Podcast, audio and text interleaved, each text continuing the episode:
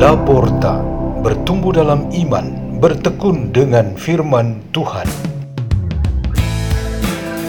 Radio Laporta, pintu terbuka bagimu untuk pertumbuhan pengetahuan dan kebijaksanaan tentang Allah.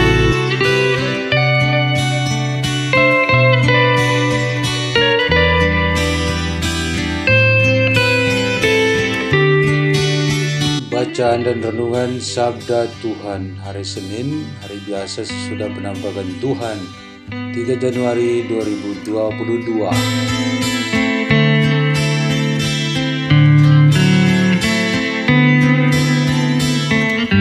Dibawakan oleh Pastor Peter Tugan STB dari komunitas Salesianon Bosco di Labuan Bajo, Keuskupan Ruteng.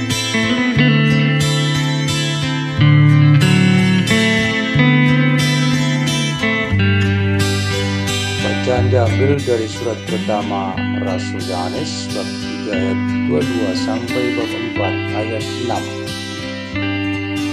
6. Saudara-saudaraku terkasih, apa saja yang kita minta dari Allah kita perolehnya daripadanya karena kita menuruti segala perintahnya dan berbuat apa yang berkenan padanya.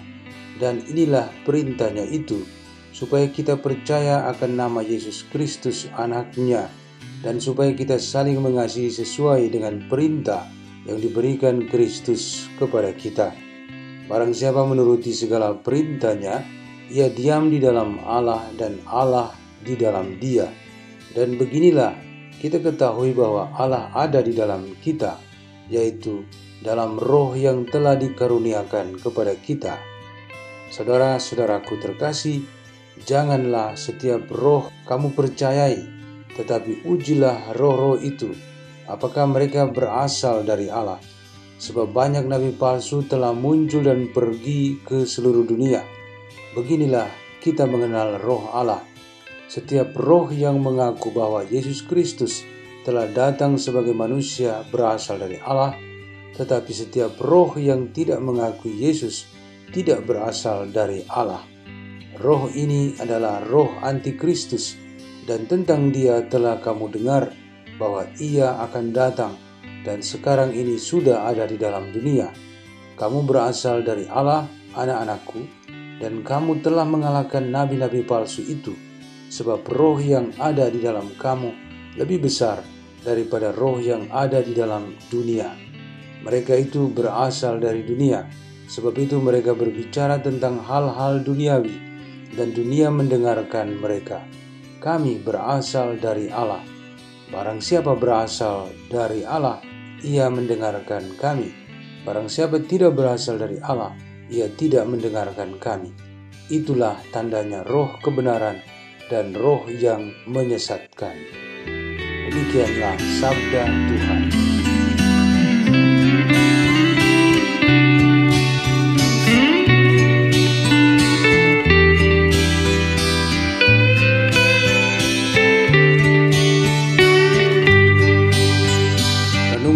Kita pada hari ini bertema dua jempol untuk Yesus.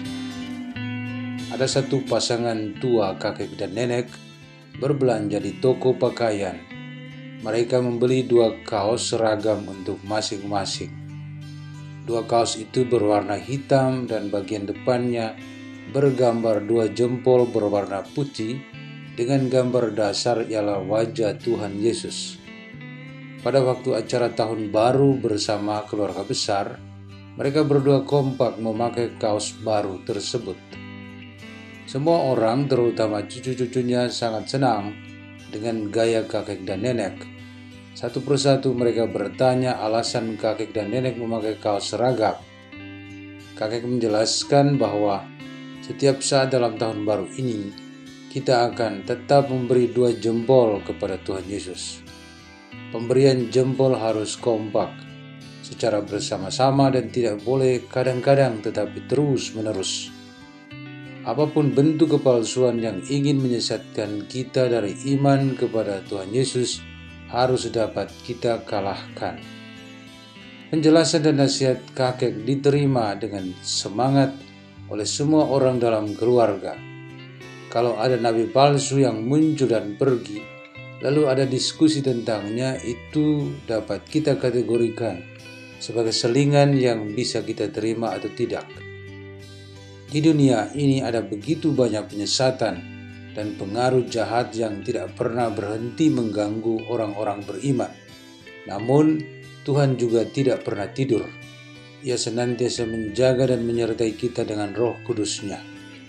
Dengan kata lain, menurut surat pertama Yohanes dalam bacaan pertama hari ini, setiap kebenaran dalam kehidupan orang beriman lahir dari Tuhan.